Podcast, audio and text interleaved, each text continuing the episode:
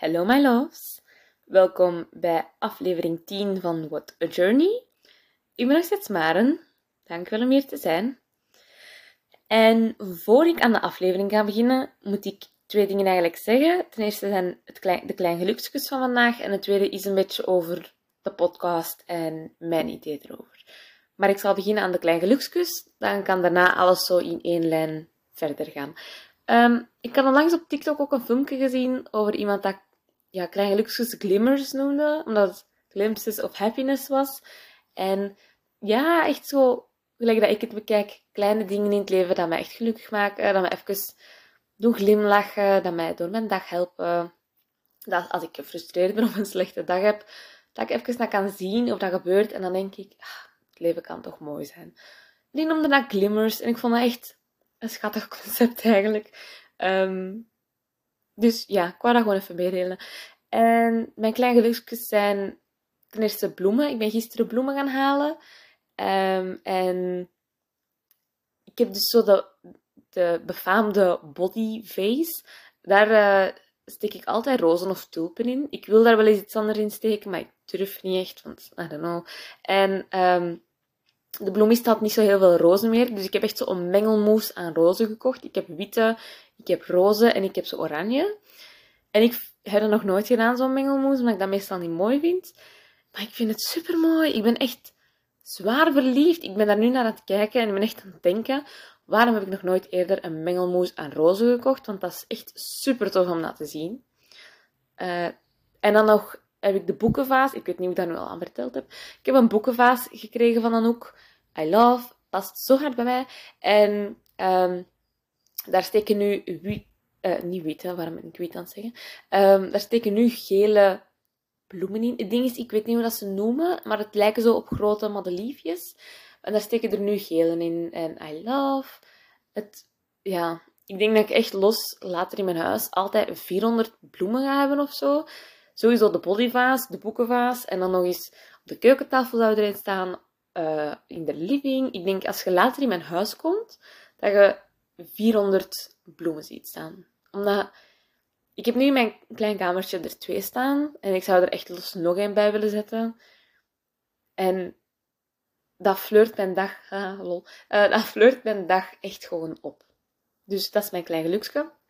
En mijn andere geluksje met betrekking tot mezelf is, ik ben maandag gaan pottenbakken met Ellen. En het, ik weet zelfs niet hoe ik dat moet uitleggen. Ik heb daar nog niet echt een, een woord, woorden voor, voor hoe dat, dat gevoel is. Maar ik ben altijd een zeer creatieve geweest. En ik moet ook eerlijk toegeven dat ik vaak de enige ben geweest in mijn vriendengroep. Um, wat niet slecht bedoeld is of zo, maar ik heb altijd graag getekend, geschilderd. Ik ben graag met klei bezig. Ik, ik, ik heb stempels gemaakt. Allee, altijd al. En dat is erger geworden naarmate ik ouder ben geworden. Um, maar ik ben ook wel de enige in mijn vriendengroep die zo is. En het feit dat ik met Ellen zoiets creatief kon doen en dat ze het leuk vond, dat was even zo'n moment van: kijk ons nu. Allee, zo, kijk nu eens naar ons. En um, gewoon, ik ken haar al sinds tweede middelbaar, weet je, ondertussen uh, vijf, vier, negen jaar geleden. Dus we kennen elkaar al negen jaar. En in die negen jaar zijn we van ons veertien tot nu keihard gegroeid gewoon. En ik voel mij altijd op mijn meest kwetsbare als ik iets creatief aan het doen ben. Omdat ik denk daar niet echt over na. Maar je stopt daar wel een soort gevoel in. Um, alleen niet in alles, maar bijvoorbeeld in, in, mijn, in mijn art journal die ik dan heb. Um, als Ellen of Anouk heeft daar ooit iets doorgegaan. En ik voelde mij echt super kwetsbaar. En ik voelde mij precies zo ja, hoe moet ik dat uitleggen? Ja, gewoon echt kwetsbaar. En dat is zoiets... Ik doe dat allemaal heel graag, maar dat is heel eng om dat out in the open te laten zien aan iemand. En als die daar altijd doorgaan, die zijn er altijd kei positief over, maar dan ben ik... Ik weet niet, als ik... Ik ben graag creatief bezig, maar zo met schilderwerken of zo, ik vind dat altijd iets heel... Dat is iets van mij, dat is iets intiem. En het feit dat ik nu zoiets creatiefs kon delen met Ellen, dan mijn lifelong bestie, was echt even zo... een moment van hoe hard zijn wij gegroeid. Want 16-jarige wij hadden dat nooit gedaan, samen gaan pottenbakken. En het feit dat wij dat deden en dat zij het ook leuk vond en dat ik ook nog goed in was ook, dat is een gevoel apart. Maar ik ben echt, ik ben echt, echt super dankbaar dat wij zoiets konden doen samen. Dus dat is, mijn, dat is echt een groot klein geluksje. Dat is dus ook mijn geluksje. Also, kijk, mag ik even zetten zien? Ik zit in mijn bed. Een glas water naast mij, want ik weet, allez, ik weet van mezelf dat als ik lang begin te babbelen, dat mijn, mijn stem zo wat raspy begint te klinken. Dus ik heb een glasje water erbij. En ik heb rollers in mijn haar. Omdat ik eens wou zien of het ging lukken. Alleen of ik dat zou kunnen. Ik weet het antwoord al. Het antwoord gaat nee zijn. En uh, speelt ook op de achtergrond. Dus sorry als je heel veel lawaai hoort. Dat is Rock Werchter en alle auto's en al die dingen. Dus... En het is een donderdag, 29 juni, kwart voor drie. Dus uh, een, heel random, een heel random setup eigenlijk. En speaking of the setup, het tweede wat ik nog wou zeggen is um, over de podcast. Uh, ik heb de vorige aflevering weer verwijderd. I know, ik ben echt in een slecht habit met afleveringen verwijderen. Die van de drie researches, niet dat, ik heb die echt na één dag al verwijderd. Omdat ik snapte niet goed waarom ik mezelf onder zoveel druk zette om een podcast er dan uit te krijgen waar ik zelf niet tevreden mee was. Omdat ik doe dit nog altijd voor mezelf. En het is heel tof dat er toevallig dat mensen naar willen luisteren en daar blij mee zijn om het te horen. En um, ik weet niet, ik moest even zo wat mildheid voor mezelf hebben. En nog steeds, want ik weet niet, ik was al langs aan het denken, als ik nu gewoon echt alles verwijder wat ik tot nu toe gemaakt heb en ik ben gewoon vanaf nul. Gewoon even terug aflevering 1 beginnen en 2, omdat dit is voor mij ook een, iets totaal uit mijn comfortzone. Ik, ik zal begot niet weten. Ik weet nog steeds niet hoe ik soms dit moet aanpakken. Hoeveel ik moet uitschrijven, hoeveel niet. En dit is voor mij ook gewoon echt een journey op zich. En ja, I don't know. Dus ik heb die aflevering verwijderd. En daarmee wil ik ook even... Ik ga niet alle, ik ga niet alle afleveringen verwijderen, voor in case je daar schrik voor hebt. Maar wat ik wel ga zeggen is... Um, het is met mijn mogelijke werkschema en routine super moeilijk om op, altijd op dinsdag een aflevering erdoor te krijgen. Zeker, ik heb ook een sociaal leven. Ik wil ook gewoon tijd voor mezelf. Soms ben ik gewoon niet in mijn babbeldag als ik het moet zijn als ik een podcast opneem. Soms heb ik gewoon een slechte week gehad en heb ik geen tijd om iets voor te bereiden. Heb ik daar geen goesting in. En dus ik, ga mezelf gewoon niet meer pushen om op dinsdag een aflevering erdoor te krijgen, want dat gaat soms niet.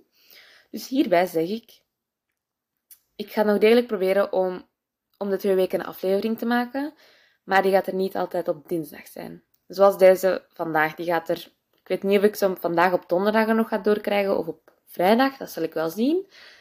Maar dus, ik beloof dat ik twee afleveringen in de maand maak, maar afhankelijk van hoe ik mij voel, van mijn routine, van hoe ik, hoe mijn babbel gaat, is dat op dinsdag of op een andere dag. Omdat, ja, ik zeg het, het is even druk en, en ja, ik had, ik was aan het, aan het journalen, wat ook alweer lang geleden was en er kwam ineens superveel uit. ik, heb, ik heb echt drie pagina's volgeschreven, wat superveel is voor mijn doen. Waar ik even zo aan het re-evalueren was over hoe mijn routine en mijn leven. En het lukt gewoon echt niet om dat op dinsdag er altijd uit te krijgen. Of ik ga dan een podcast maken waar ik niet tevreden mee ben. En dan blijft dit ook niet duren. Zo, dit is voor mij ook een leerproces. It's a journey. Zit letterlijk in de titel. Zo, ja, dat moest ik nog even addressen. Oké, okay, vandaag's aflevering um, gaat over the people you meet, um, de mensen die je ontmoet. En ze is eigenlijk gebaseerd op een gesprek dat ik heb gehad vorige week, waarin ik... Ik geef toe dat ik gemixte signalen aan het uh, sturen was naar die persoon, maar ik was me wel kwetsbaar en open aan het opstellen en de andere persoon niet. En op een bepaald moment was ik zo van, eigenlijk, laat maar, dit werkt niet. En ineens weet ik veel, kwam heel het idee van het soort mensen dat je in je leven hebt en je omgeving in me op. Dus daarmee, deze aflevering is geheel op dat gesprek gebaseerd. En ondertussen heb ik Sam ook gezien, which we all know, die mij wat uitdaagt om dingen anders te zien. Dus daar heb ik ook wel mee gehad. Dus het wordt, ik denk, ik vind het een ik vond het een leuke aflevering om zo over na te denken. En het bestaat ook zo'n beetje uit vier delen. Uh, het eerste deel is de drie soorten mensen dat je ontmoet in je leven. De tweede is het belang van boundaries in je omgeving. De derde is een relatie dat is eigenlijk nooit 50-50, naar mijn mening. En het vierde, en ook het grootste deel, is eigenlijk Conversations on Love. Um, dat is een boek dat ik gelezen heb, geschreven door Natasha Lun. En dat heeft eigenlijk echt mijn hele eh, perceptie op zo'n relaties veranderd. Maar niet alleen als ik het woord relaties gebruik, dan wil ik dat je weet relaties met strangers, um, platonische relaties, liefdesrelatie, vriendschappelijke relatie, echt elke soort relatie en connectie dat je kunt hebben. Dus neem dat echt zo breed mogelijk, alsjeblieft. Want ik heb het niet altijd alleen over liefdesrelaties. Eigenlijk bijna nooit heb ik het alleen over liefdesrelaties. Dus dat zijn zo wat de vier deeltjes van de podcast vandaag. Ik ben al 11 minuten aan het babbelen en we zijn nog eens niet begonnen. Dus ik ga daar nu aan beginnen. Um, dus het eerste deeltje, de drie soorten mensen die je ontmoet in je leven. Dat was onlangs een TikTok-video dat ik gezien heb, gezien heb en ik vond dat super interessant ook. Dus ik ga dat nu even uitleggen en dan ga ik mijn mening daarover geven. Um, dus het eerste soort persoon dat je tegenkomt in je leven is uh, een spiegel. En zoals het zegt, dat gaat eigenlijk alles van jezelf spiegelen dat een beetje healing nodig heeft. Dat zijn elke soort mensen dat nooit lang blijven. En dat is vaak iets dat komt na bijvoorbeeld een break-up of iets anders um, van grote impact, waardoor je misschien beseft van, oh shit, I need therapy. En dat zijn het soort mensen dat dus gaan spiegelen en die leren nu iets over jezelf. Patronen, schaduws, trauma. En die laten zien waar dat je nog aan moet werken en welke delen van u, welke patronen je onder handen moet nemen en je moet laten healen. Ik heb achteraf gezien um, in mijn leven wel veel spiegels gehad. Um, maar dat, ik zeg dat op het moment zelf wist ik het eigenlijk. had ik het niet doorgehad, omdat ik dacht dat die mensen voor langere tijd gingen blijven. Ik dacht dat dat mijn comfortpersonen waren. En nu achteraf gezien, na therapie, wist ik van die mensen hebben toen al iets in mij getriggerd. Um, en soms they continue to do so. En soms ben ik over de trigger, maar de mensen zijn al weg. Snap je? Dus um, ik denk bijvoorbeeld aan. Um, ik heb een vriendin gehad die heel geobsedeerd was door eten en gezond zijn. En dat frustreerde mij altijd, want ik was dat niet. en vaak is zoiets dat als je frustraties hebt tegenover een andere persoon, kan dat vaak wel een soort trigger zijn van je eigen. Waar, dus, dus een soort trigger dat je zelf moet gaan inspecteren en dus iets dat healing nodig heeft. En nu achteraf gezien weet ik dat die persoon gewoon spiegelde naar mij toe dat ik een andere mindset nodig had over eten en gezond zijn. En I mean, ik ben wel van mening dat die persoon zelf ook nog wel therapie kan gebruiken daarover. Maar het feit dat ik zoveel frustratie had over haar kant van, over haar idee van gezond zijn en eten en sporten, liet mij zien dat ik zelf ook wel healing kon gebruiken over die mindset van gezond eten, sporten, healthy zijn. En nu, achteraf bekeken, besef ik dus dat dat persoon een spiegel was voor mij, terwijl ik toen wel dacht van, dit is echt een lifelong friend. Maar dat was dus niet zo. Dus het is vaak achteraf wel pas dat je beseft dat sommige mensen spiegels zijn. uh, de tweede soort persoon is eigenlijk een raam. En dat laat eigenlijk zien wat mogelijk is. Um, dat zijn vaak het soort mensen um, die laten zien hoe het anders kan dan wat je gewend bent. Um, dat is ook... Ja, dat zijn het soort mensen dat, dat, dat, dat mogelijkheden laten zien, dat, laten, dat kansen laten zien. Ja, ik heb in een vorige aflevering gezegd dat, dat zo'n ding van je moet je eerst graag zien voor je anderen graag kunt zien, klopt. Maar er moet ook al wel, je moet in je omgeving al gezien hebben hoe je, moet graag, hoe je graag moet zien. Over um, dat als je nooit anders in je omgeving en in je uh, childhood vroeger gezien hebt hoe het anders kan, je dat ook niet weet. En dus dat is mij ramen, de personen die ramen zijn, ook zo. Die laten zien dat het degelijk anders kan. Dat wat je al die tijd gewend bent, wat je al die tijd geïnternaliseerd hebt, dat het anders kan. Ik weet niet, ik ben even aan het denken, heb ik zo'n mensen in mijn leven gehad? Ik denk het wel. Um, over, ik denk vooral um, hoe, over hoe ik in het leven stond en tegenover hoe dat zij in het leven stonden, dat dat een heel groot verschil was. Ja, ik kan het niet anders uitleggen dan dat. Gewoon de mindset die ik had op mijn, weet ik veel, 14, 15, 16, tegenover hun mindset, dat was een heel groot verschil. Dus ik denk dat ze mij toen wel hebben laten zien hoe het anders kan. Maar ik denk, ja, op 14, 15, 16 zeg je daar niet echt mee bezig met, oh, mijn leven kan veel beter zijn. Dus ja, dus alleen, je hebt altijd wel mensen in je, in je omgeving die laten zien wat mogelijk is. En die dan ja, een beetje de, de deur openzetten naar beter. Gewoon dat. En het derde soort persoon dat je tegenkomt in je leven zijn deuren. deuren. Misschien niet de beste analogie, zo het net. Oké, anyway. En de derde soort persoon zijn dus deuren. En dat zijn eigenlijk mensen die meant to stay zijn. Um, en het ding is ook ermee, een deur opent alleen wanneer je de key hebt en wanneer je dus volledig healed bent. En dat vond ik een mooie, want ik moest eigenlijk denken aan...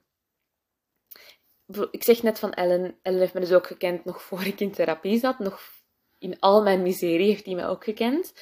En dat ik dan denk... Ellen is voor mij echt een deur. She is meant to stay. Um, die heeft mij, die heeft, wij zijn samengegroeid. Zowel um, opgegroeid, maar als in, die heeft mij door mijn therapie zien gaan en die heeft mij zien groeien. En ik moet ook zeggen, die vriendschap is pas volledig tot bloei gekomen en is naar een ander soort level gegaan.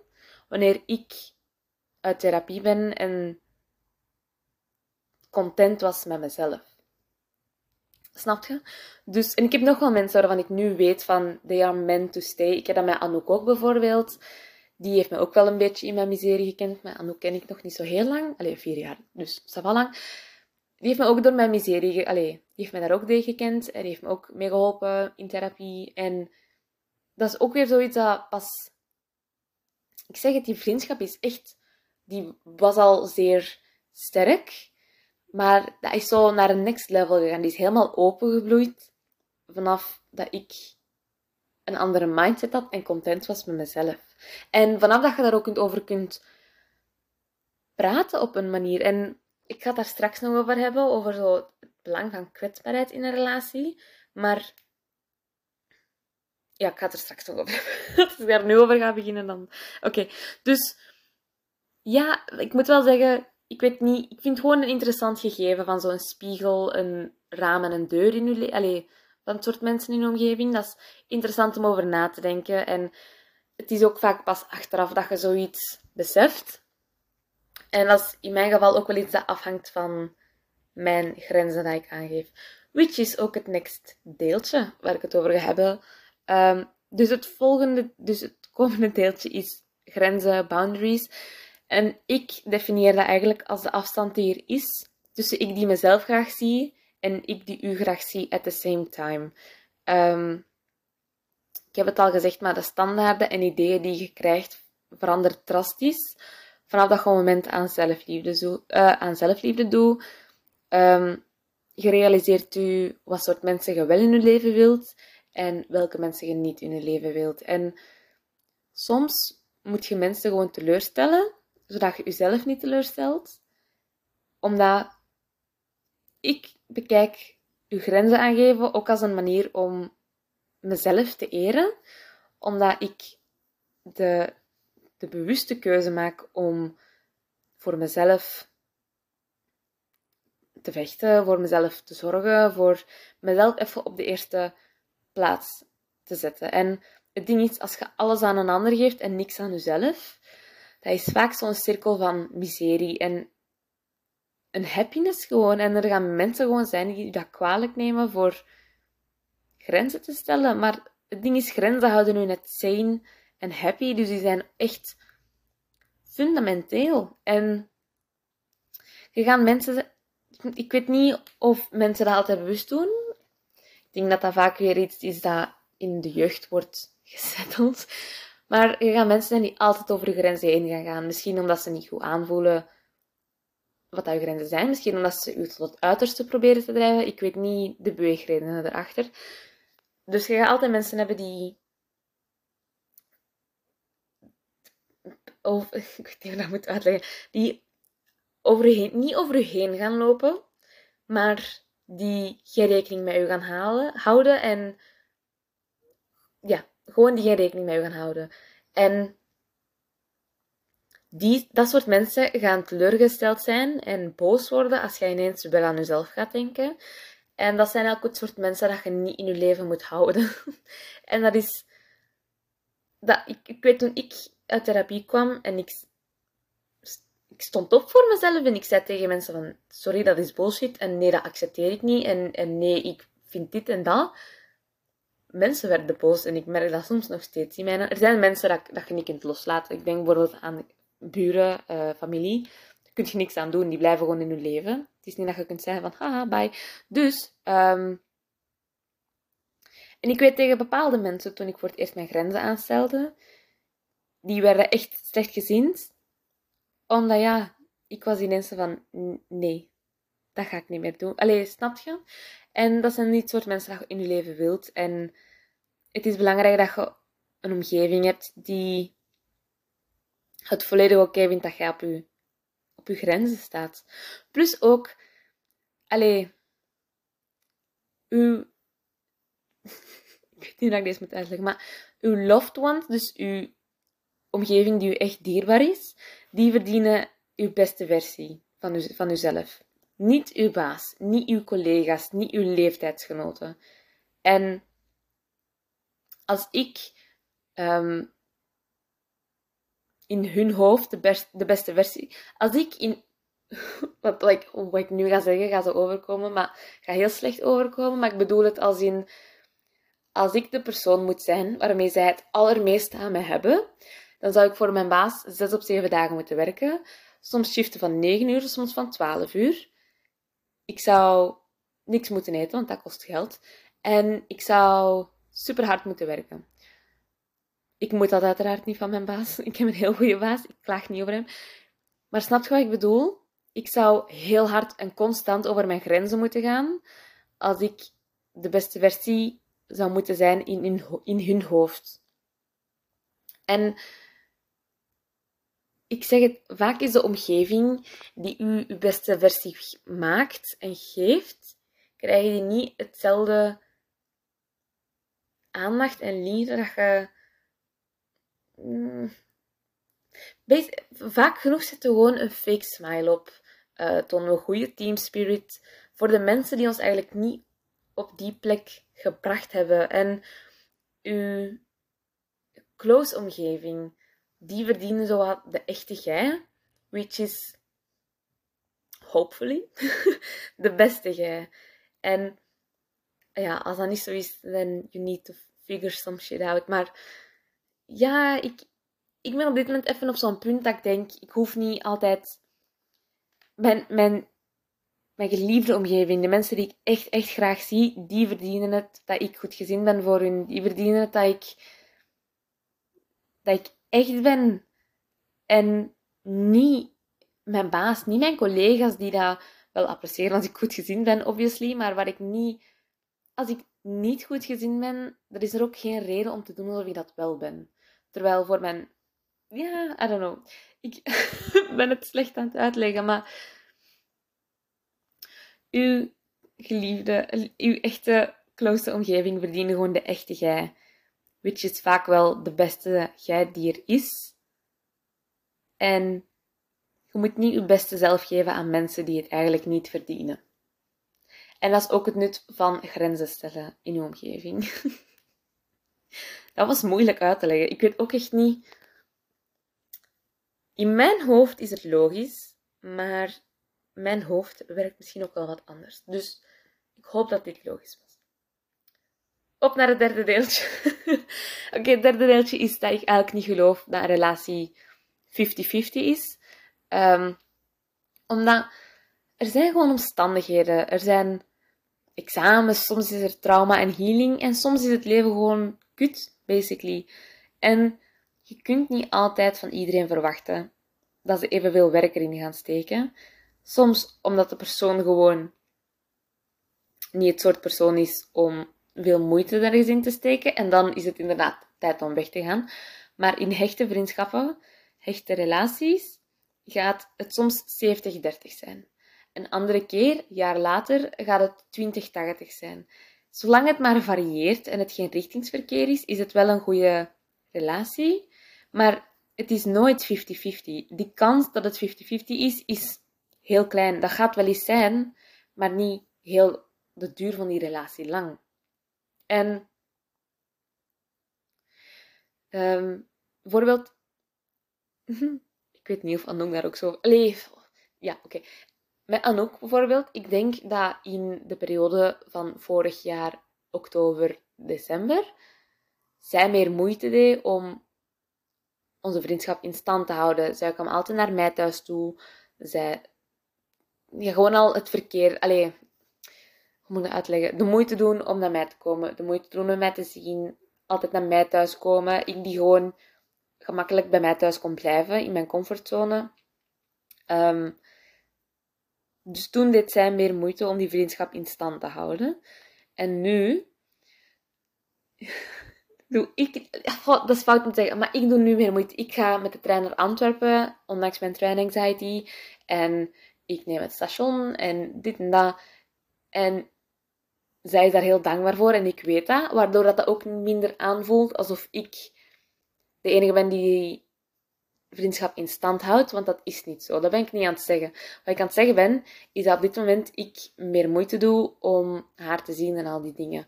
Maar, en het is een dikke maar, ehm, dat betekent niet dat ik niet weet dat Anouk dat keihard apprecieert dat ik naar Antwerpen kom. Dat betekent ook niet dat ik het niet fijn vind om naar Antwerpen te komen, because I love.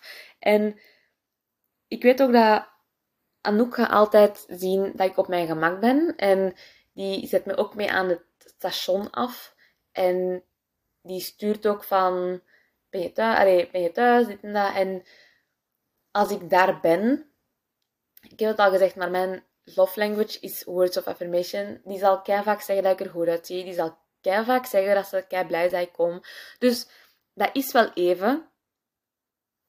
Maar ik ben het slecht aan het uitleggen. Maar gewoon, het varieert en zolang het geen eenrichtingsverkeer is, is dat echt oké. En soms moet de een meer moeite doen om elkaar te zien, soms de ander. Soms moet de een meer sturen, soms de ander. En dat is normaal. En ik zeg het, soms is het leven gewoon kut en daar kun je niks aan doen. Maar zolang, als jij het in je hoofd een belangrijke relatie vindt om voor te vechten, om moeite voor te doen, dan moet je die moeite doen. En als je toch na maanden merkt van, ik ben de enige die hier moeite aan doen is, kun je nog altijd beslissen om te stoppen. Om uh, de relatie te verbreken of te verminderen. Of... Snap je? Dat bedoel ik. Oké, dat was niet zo goed uitgelegd van mij, maar ik doe mijn best. Het laatste deeltje en het belangrijkste deeltje is Conversations on Love. Um, ik zeg het, dat is een boek dat mij echt heeft echt heel mijn perceptie op elke relatie die ik heb gehad en elke relatie die ik nog ga hebben gevormd. Omdat, ook een boek dat Anouk mij heeft aangeraden, Which I Love. Ja, ik, ik, moet, ik moet echt zeggen, dat boek moet iedereen eens gelezen hebben in zijn leven. Echt, echt waar. Um, en dus nu ga ik zo de drie, drie grootste dingen, ik moest even zien, de drie grootste dingen uitleggen dat mijn boek dat geleerd heeft. Ten eerste is dat every stranger you talk to is a connection. Um, en dat is iets waar ik nooit zo naar had gekeken, maar dat is voor mij wel de grootste les geweest. Um, niet iedereen die je tegenkomt in je leven gaat een grote rol spelen. Maar je moet elke persoon wel bekijken als wat het is, namelijk een persoon. En dus een mogelijkheid om een connectie te krijgen. Um, ik werk in de horeca, dus wat mij altijd heel hard stoort, is als mensen onbeleefd zijn. Als mensen nog eens niet hallo zeggen. Gewoon basic beleefdheden van hallo, dankjewel, dag, prettige dag nog.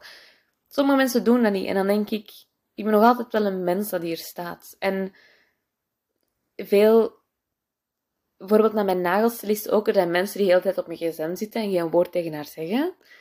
En je hebt dan mensen, en dan heb je, allez, mensen, dan heb je ik die wel ik probeer haar werk te laten doen, maar ik zal ook altijd vragen dat het haar gaat. En ik zal zeggen dat ze er goed uitziet. En een persoon is nog altijd een persoon. En zo, mensen die rude zijn, they have their own shit to deal with. Dus ik probeer daar niet te hard aan te, tellen, aan te tillen. Ik probeer gewoon mijn lessen uit te trekken en weten dat ik beter kan zijn dan dat. Maar evenals als je kijkt naar vaste klanten... Voor dat boek waren vaste klanten gewoon vaste klanten. Die kwamen geregeld. Het is oké. Nu zijn dat mensen voor mij die, men, die kennen mijn naam. Die komen speciaal omdat ik daar sta. Die komen omdat ze graag met mij babbelen of zo. Ik weet het niet. Ik weet niet. Ik weet dat veel mensen... Allee, houden mensen babbelen gewoon in het algemeen graag. Maar het feit dat er mensen zijn die mijn naam weten. Het feit dat er mensen zijn die speciaal voor mij 1 euro tipgeld geven. Niet dat dat veel is, maar het gaat om het gebaar. Dat is voor mij echt iets dat ik nu bekijk als een kans tot connectie, om het zo te zeggen. En ik heb dat niet alleen met mensen die in de zaak komen. Ik heb dat met... Als ik een boek ga kopen, op dinsdag staat er een, een vrouw achter de toog en die weet mijn naam en die die wisselt met mij uit welke boeken ze gelezen heeft, welke dat ze denkt dat ik goed zou vinden. Die vraagt aan mij welke boeken dat ik mooi vind. Ehm, die legt soms voor mij boeken aan de kant als ze denkt van, oeh, die gaan er snel door. Ik zal er maar een apart leggen voor Maren. Die weet mijn naam, die zoekt mijn klantenkaart op nog voordat ik aan de kassa ben. En vroeger dat gewoon niet als iets speciaals bekeken, maar dat is het wel. Dat is een random persoon die mijn naam weet, die de moeite doet om boeken voor mij apart te houden. En I don't know, dat is gewoon zo lief. En je moet dat anders bekijken als een random persoon. Je moet dat bekijken als een connectie. Elk persoon dat je tegenkomt in je leven gaat een deeltje van je eigen leren kennen. Ik bedoel, de vrouw van de boekenzaal gaat ook niet weten dat ik een podcast heb. Die gaat niet weten dat ik I don't know, in de horeca werk, maar die weet wel dat ik graag lees. Die weet welke boeken ik graag lees. Die weet dat een lied voor Achilles mijn favoriete boek is. En die weet dus een deeltje van mij dat andere mensen weer niet weten. En dat is een connectie op een ander soort manier. En dat is voor mij echt iets heel waardevol geworden eigenlijk. En ja, ik, je kunt altijd de most kind-hearted persoon in de wereld zijn en het is echt niet zo moeilijk om gewoon een persoon te behandelen als een persoon en vriendelijk te zijn of om een compliment te geven. En dat is echt belangrijk. Dat je dat leert gewoon, ja. Dus ik zeg het, Conversations on Love van Natasha Lun. Echt, dat is voor mij de belangrijkste les. En hij heeft echt mijn perceptie keihard veranderd over de, de random mensen die ik ontmoet in mijn leven. en nog veel, maar dat, was, dat is echt voor mij zoiets. Dat heeft echt mijn blik veranderd op, op de mensen die komen in de zaak, op de mensen die ik tegenkom in de boekenwinkel, al die dingen. En je zet dan ook voor het gezamenlijke doel van, bijvoorbeeld in de boekenwinkel, je zet dan om het gezamenlijke doel omdat je graag leest, omdat je een boek wilt kopen, omdat je iemand anders een boek wilt geven. En ik heb dat onlangs tegen Sam gezegd, dat ik soms, als je een concert hebt en Iedereen staat er met zijn lichten omhoog en iedereen is mee aan het zingen. Ik kan er emotioneel van worden. Ik kan onder mij kijken en de tranen kunnen mij opwellen. Want ik ken niemand daarvan. En toch heb je een connectie met ieder en elk van hun, omdat je, je staat daar voor het gezamenlijke doel, dat je de persoon die aan het optreden is graag ziet, dat je, allez, als in graag bezig hoort, dat je daar fan van bent en dat je daar gewoon zijt om plezier te hebben en die is bezig te zien. En dat maakt dat je een connectie hebt met elke persoon in die ruimte, ook al zeg je daar geen woord tegen. En dat is zoiets heel, hoe moet ik uitleggen, dat is iets heel wholesome om te weten gewoon. Dus ik hoop dat je vanaf nu daar ook op die manier naar kunt kijken. Het tweede, um, ook geleerd uit dat boek, maar ook door andere boeken, door andere boeken en gewoon gesprekken, is dat mijn vrienden eigenlijk de standaard hebben gezet voor every relationship to come. Um, omdat wat ik nu met mijn close vrienden heb, is voor mij iets zo gemakkelijk en soepel. En dat is voor mij ook iets heel intiem. Um, zoals ik zeg, het feit dat die door mijn art journal kunnen gaan en ik me heel kwetsbaar opstel om dat toe te laten, dat is voor mij echt iets intiem gewoon. En mijn vrienden laten mij gewoon zien hoe dingen horen te zijn en hoe ik mij moet voelen. Which is fundamental. Um, en dan neem ik mee naar elke date waar ik op, niet dat ik op zoveel dates ga, maar naar elke date dat ik ga, vraag ik me af. Allee, vraag ik me af. Dan stel ik me gewoon de vraag: How do they make me feel? Um, met de vrienden die ik nu heb, heb ik me nooit moeten verantwoorden of moeten laten zien dat ik iets waard ben. Omdat, moest het ook anders zijn, dan is dat heel draining to be around. Of dan kun je zelfs insecure worden. Omdat, dat heeft ook weer te maken met je zelfliefde. Um, omdat als je erover nadenkt, je zelfperceptie is hoe je denkt dat andere mensen u bekijken. Ongeacht of dat, dat waar is of niet. En als bijvoorbeeld de meeste mensen in uw leven de energie afgeven dat ze niet zeker zijn over u, dat de conversatie stroef gaat, dat gaat obviously samenhangen met hoe je naar je eigen bekijkt. Um, en dus als jij je goed voelt bij iemand, als alles soepel gaat, als je je veilig voelt bij iemand, comfortabel voelt bij iemand, dat is belangrijker voor mij dan hoe het eruit zou zien dat ik met hen ben. Snap je? En wat ik ook geleerd heb ondertussen is dat sommige connecties met vrienden, met collega's gaan makkelijker gaan dan andere. En het ook niet slecht is omdat het is, je moet nooit connectie of een veilig gevoel forceren. Because it's not gonna work. Maar je moet ook weten dat niet iedereen een slecht persoon is. If they cut things off. Of als het, de connectie niet is wat ze verwacht hadden.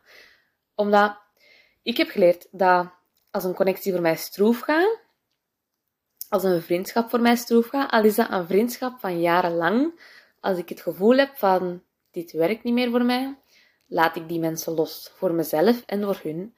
En dat betekent niet dat zij of ik een slecht persoon ben, zijn. en dat is iets dat ik geleerd heb met de jaren. Het is niet omdat een date slecht gaat en of dat iemand het niet meer ziet zitten, dat maakt hun niet een slecht persoon. Die persoon wil gewoon niet, wil gewoon geen connectie, geen, geen moet uitleggen? Geen gevoel willen forceren dat er niet is. I mean, dat is logisch dat je met sommige mensen beter gaat overeenkomen dan met anderen. Dat met sommige mensen gesprek super gemakkelijk gaat gaan dan met anderen. En dat maakt geen van beide personen een slecht persoon. En ik vind ook dat je iemand verdient dat 100% zeker is over u. En zelfs al is de relatie niet 50-50, je moet weten dat je 100% voor iemand zou gaan. Je moet 100% zeker zijn over die persoon. En het is niet iets slecht om beter te willen. Maar dat is moeilijk. Bijvoorbeeld, dat is met heartbreak, als een relatie ten einde gaat, super moeilijk. Vaak gaat een relatie te eindigen omdat een van de twee de connectie niet voelde, zich niet veilig voelde, niet geliefd voelde, het zelf niet meer voelt, al die dingen. En dan is het makkelijk om de andere persoon als de bad guy of girl of person te bekijken. Maar dat is gewoon niet zo. They just cut things off omdat het werkt gewoon niet. En dat is... Op dat moment is dat kut. Maar... Je wilt ook... Ik snap ook dat je als andere persoon dan die het afbreekt geen connectie wilt forceren om iets. Dus dat is ook een les dat ik nog half aan het leren ben, maar het is soms ook moeilijk zo. Gewoon. Maar ik ben dus heel dankbaar voor de vrienden die ik nu heb, omdat ik zeg het, zij zetten de standaard super hoog voor elke relatie die ik heb. Of dat nu vriendschaprelatie is of um, liefdesrelatie. Ik weet hoe dat ik wil dat ik mij moet voelen. En ik weet hoe intiem ik wil dat dingen voelen. En ik weet hoe ik ben rond de juiste personen. En ik wil dat dat ook zo blijft voor elke relatie dat is to come. Gewoon, ja. En daarmee gepaard is ook de derde, namelijk dat er kwetsbaarheid nodig is om een diepe connectie te maken.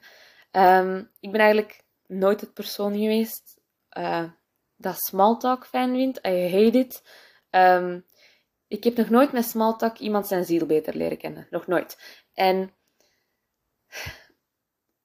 zoals ik zei, um, in het begin van de aflevering had ik een gesprek met iemand en ik stelde mij kwetsbaar op en open en ik was oprecht. En die persoon beantwoordde dat gewoon niet op die manier. En, en ik weet niet of of zij zich specifiek afsloot daarvoor, maar ik kreeg geen kwetsbaarheid terug.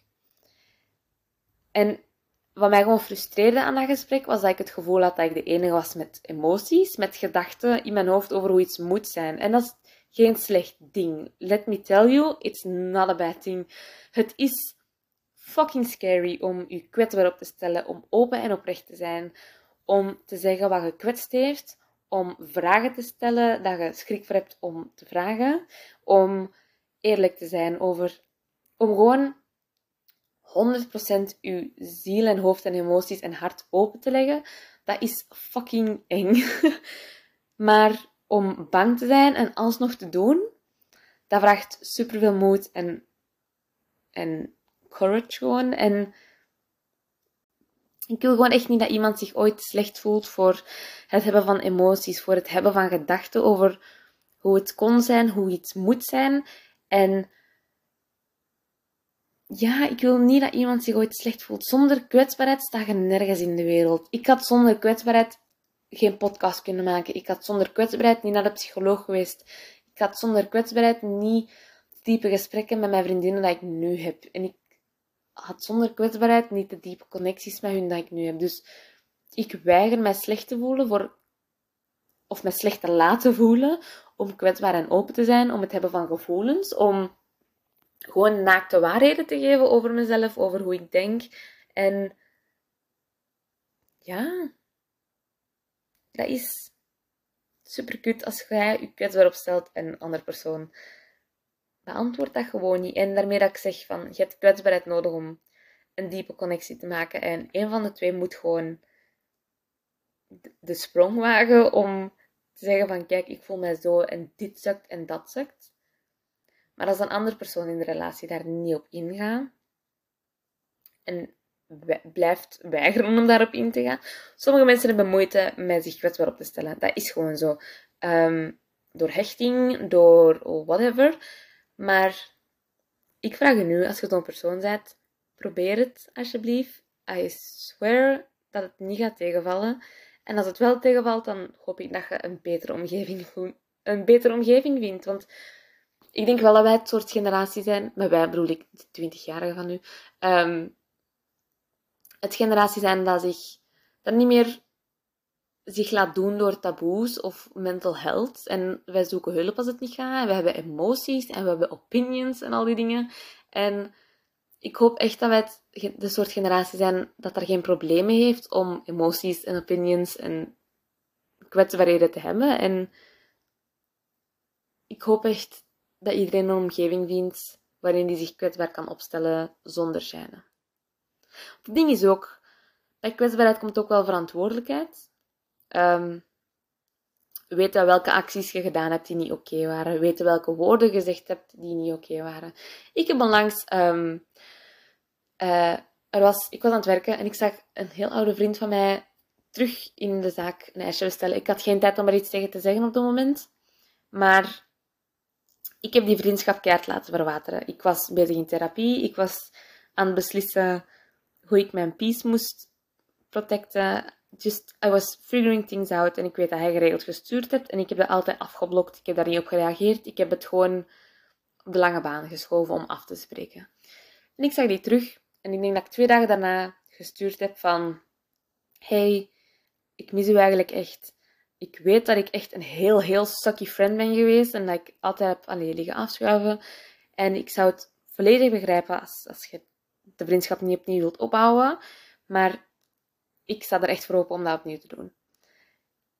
En het gewoon, ik die zeg van, I have been a sucky friend. Yes, I have.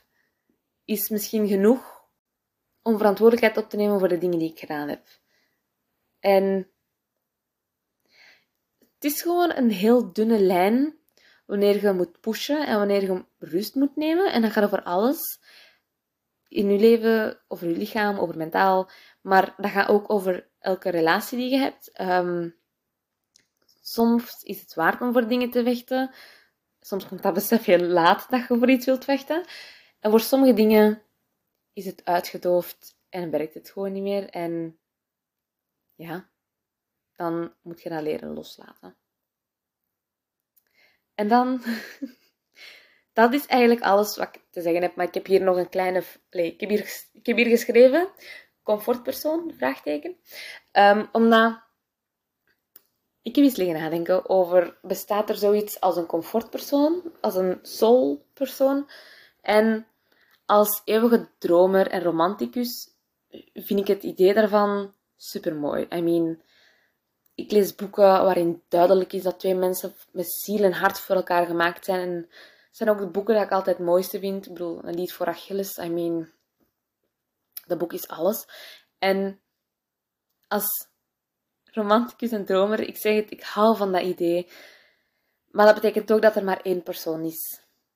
Which means dat als je denkt dat je die gevonden hebt, en dat is toch niet, of, of stel dat je denkt dat je die gevonden hebt en die personen vertrekken, op wat voor manier dan ook, dat er nooit meer een andere persoon komt. En dat is wel iets heel heartbreaking om over na te denken. En ik geloof niet in één zielspersoon, ik geloof in meerdere zielspersonen. Omdat. Ik weet niet of ik daar elke reden voor heb. ik wou het uitleggen, maar ik heb eigenlijk geen. Omdat je, bij... je kunt Um, ik, ik denk op dit moment zelf twee zielspersonen te hebben. Dat is, dat allee, omdat ik. Omdat elke. omdat je met elk persoon zo een verschillende relatie kunt hebben. Een vriendschapsrelatie, een collegiale relatie, een liefdesrelatie. En het zou stom zijn als je enkel in je liefdesrelatie een zielspersoon hebt, want dat betekent dat je vriendschappen shit zijn, basically. Dat die niet zijn hoe dat ze zouden moeten zijn. En ja, dus ik geloof niet in één zielspersoon. Ik vind het idee daarvan echt prachtig, maar ik geloof wel in dat je met bepaalde mensen echt zo je inner feelings en je grootste angsten en je grootste dromen kunt zeggen en uitspreken. Wat echt heel belangrijk is om te hebben in een persoon. Maar ik geloof niet dat dat maar één persoon is. Dat weiger ik te geloven. Dat is veel te weinig voor één persoon om, om mee te delen. ja. Dit was vandaag's aflevering. Oh my god. Oké, ik vond het een leuke aflevering. Um, dus vergeet niet, ik ga om de twee weken nog posten, maar gewoon niet altijd op dinsdag. Ik ga ook sinds kort niet meer op dinsdag naar de markt. Ik moet om één uur beginnen werken. Ik moet altijd dan om half negen opstaan. Ik maak mijn kaal aan klaar eer ik terug ben. Het is altijd heel gerush. En ik merk gewoon dat ik de laatste vier weken dat ik wel naar de markt ben gegaan en mij heb moeten rushen, dat ik nogal slecht gezien ben geweest. Dus ik doe dat nu gewoon op woensdag. Op woensdag moet ik veel later beginnen met werken. Dus dat komt mij gewoon veel beter uit om dan bloemen te kopen en om dan koffiekoeken te kopen. Dus Self-Care Tuesday is niet zozeer een Self-Care Tuesday meer. Het is eerder een Self-Care Wednesday. Which is fine for me. Ik heb daar geen probleem mee. Um, maar dus, Happy Self-Care Tuesdays. Not so much happening anymore. Maar ik heb vandaag ook weer zo'n self... Ik noem het een self-care dagje. Ik heb mijn skincare gedaan. Ik heb dan de poging gedaan om mijn haar deftig in te rollen om te zien hoe dat gaat. Ik heb even yoga gedaan. Ik heb mijn hele kamer opgeruimd. Omdat dat echt zoiets... Ik kuis niet graag. maar ik vind een, een opgeruimde en propere omgeving wel heel belangrijk en heel tof. Dus ik kuis om het doel van kuisen. Namelijk dat het in die end allemaal proper is. Omdat een, een clean omgeving is voor mij, staat voor mij gelijk aan een clean mind. En, en als ik heel veel chaos ben, dan is de kans groot dat mijn kamer ook gewoon chaos is. En vaak is dat zoiets van, oké, ik ga mijn kamer opruimen. En als die dan proper is, dan zijn mijn gedachten ook ineens veel cleaner. Ik weet niet hoe ik het uitleggen. Dus ik heb vandaag eigenlijk ook een selfcare dagje gehad. Dus we kunnen het ook selfcare Thursday noemen. Dat gaat ook. Dus ja. Dit was vandaag's aflevering over de mensen die je ontmoet in je leven. Um, ik hoop dat je het fijn vond. Laat mij alsjeblieft iets... Ah ja, dat is nog iets wat ik wil zeggen. Um, ik ben super dankbaar voor elke persoon dat mij een bericht stuurt dat ze het een toffe aflevering gevonden. Of dat ooit is een bericht heeft gestuurd dat ze uitkijken naar de aflevering. Dat betekent echt superveel voor mij. Ehm, maar zoals ik al zeg, ik ben nu aan het uitzoeken hoe dat ik de afleveringen wil. En hoe dat ik ze moet aanpakken. En hoeveel dat ik moet uitschrijven ervoor. En al die dingen. Ehm, dus ik kan zo wel een beetje de, niet bevestiging, maar bevestiging gebruiken dat het tof was, dat het een toffe aflevering was, dat het een duidelijke aflevering was. Ehm, het maakt me super, het maakt me altijd gelukkig als mensen het delen op hun verhaal. Dan ben ik zo van, oh my god. Omdat, dan zeg je belangrijk genoeg om gedeeld te worden. Dat is zo fijn. Plus, dat helpt mij ook om de podcast te groeien, which ik wel merk um, aan het aantal volgers. Dus, if you want to help a girl out, je mocht zeker iets sturen. Echt graag dat je iets stuurt over de aflevering. Maar je mocht ook zeker het delen op Instagram. Dat zou ook echt fantastisch zijn. En ik ben sowieso super dankbaar voor iedereen die luistert. Ehm, ik vind het al fijn genoeg om een podcast te maken. En het feit dat er nog mensen naar luisteren en het goed vinden, dat is... gaat soms mijn hoofd te boven. Ehm, maar ik ben het dus nog allemaal aan het uitzoeken. En ik moet ook even leren om mild te zijn voor mezelf en uit te zoeken dat ik het zelf wil. En weten dat het niet van het begin af aan perfect ging zijn. En ja, dus het is voor mij ook nog even een journey op zich. Um, maar dankjewel om hier te zijn. Geniet nog van jullie dagje. En um, ik, ja, ik, jullie hebben binnen twee weken terug een aflevering van mij. Oké. Okay. Lovies, bye!